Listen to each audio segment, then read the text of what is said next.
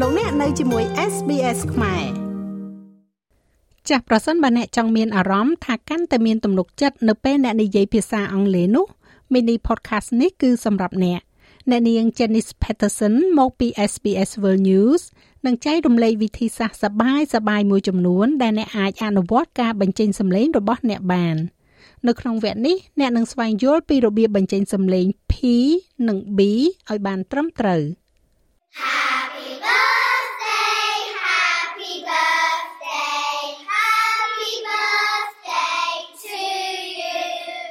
Happy birthday to you.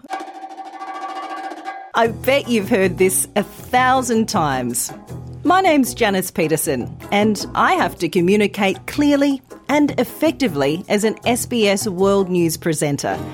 In fact, I practiced so much that some people have even said I'm a queen of pronunciation. Good pronunciation skills can give you more confidence, and people will stop asking you to repeat your words. So, let's start. Wishing someone a happy birthday is a great thing to do, but it is difficult for many learners. So, if you find it hard, you are not alone. This is because the sounds p and b are very similar. For example, it can be a problem if you're trying to say, I want a peach, the fruit, but your friend hears, I want a beach, the ocean. Or even worse, if you told your friend you have good pitch, good at singing, but they hear something else entirely. So, today we're going to focus on the difference between the p and b sounds.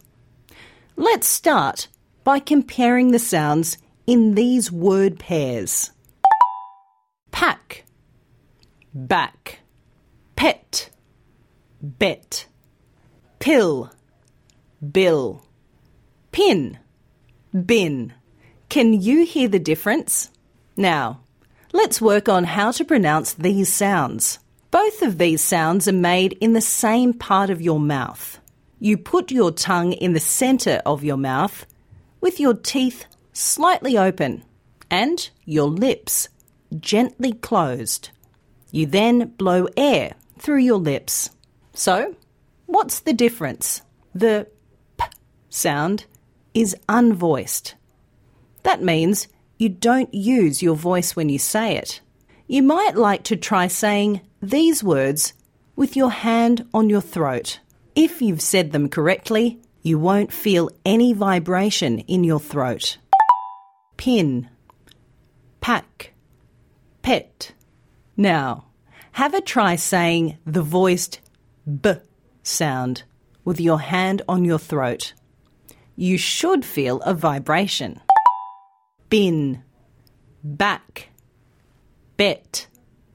Did you feel the vibration this time? Feeling the vibration is how you know the sound is voiced. Have a try saying happy birthday with your hand on your throat. Can you feel the difference in the vibrations the different sounds make? Who's with us today? We are from IES College in Brisbane. Oh, ready? No, sorry, you three. One, two, three.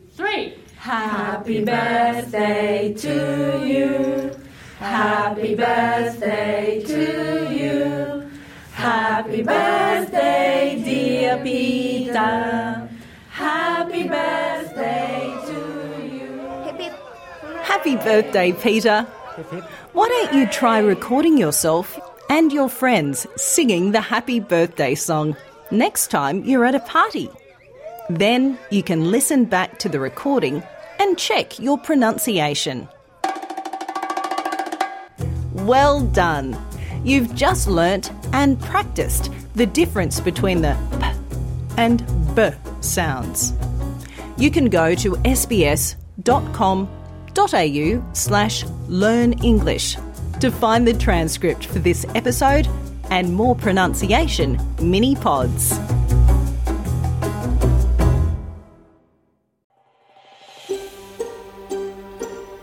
ង់ស្ដាប់រឿងរ៉ាវបែបនេះបន្ថែមទៀតទេ ស្ដាប់នៅលើ Apple Podcast Google Podcast Spotify ឬកម្មវិធីដទៃទៀតដែលលោកអ្នកមាន។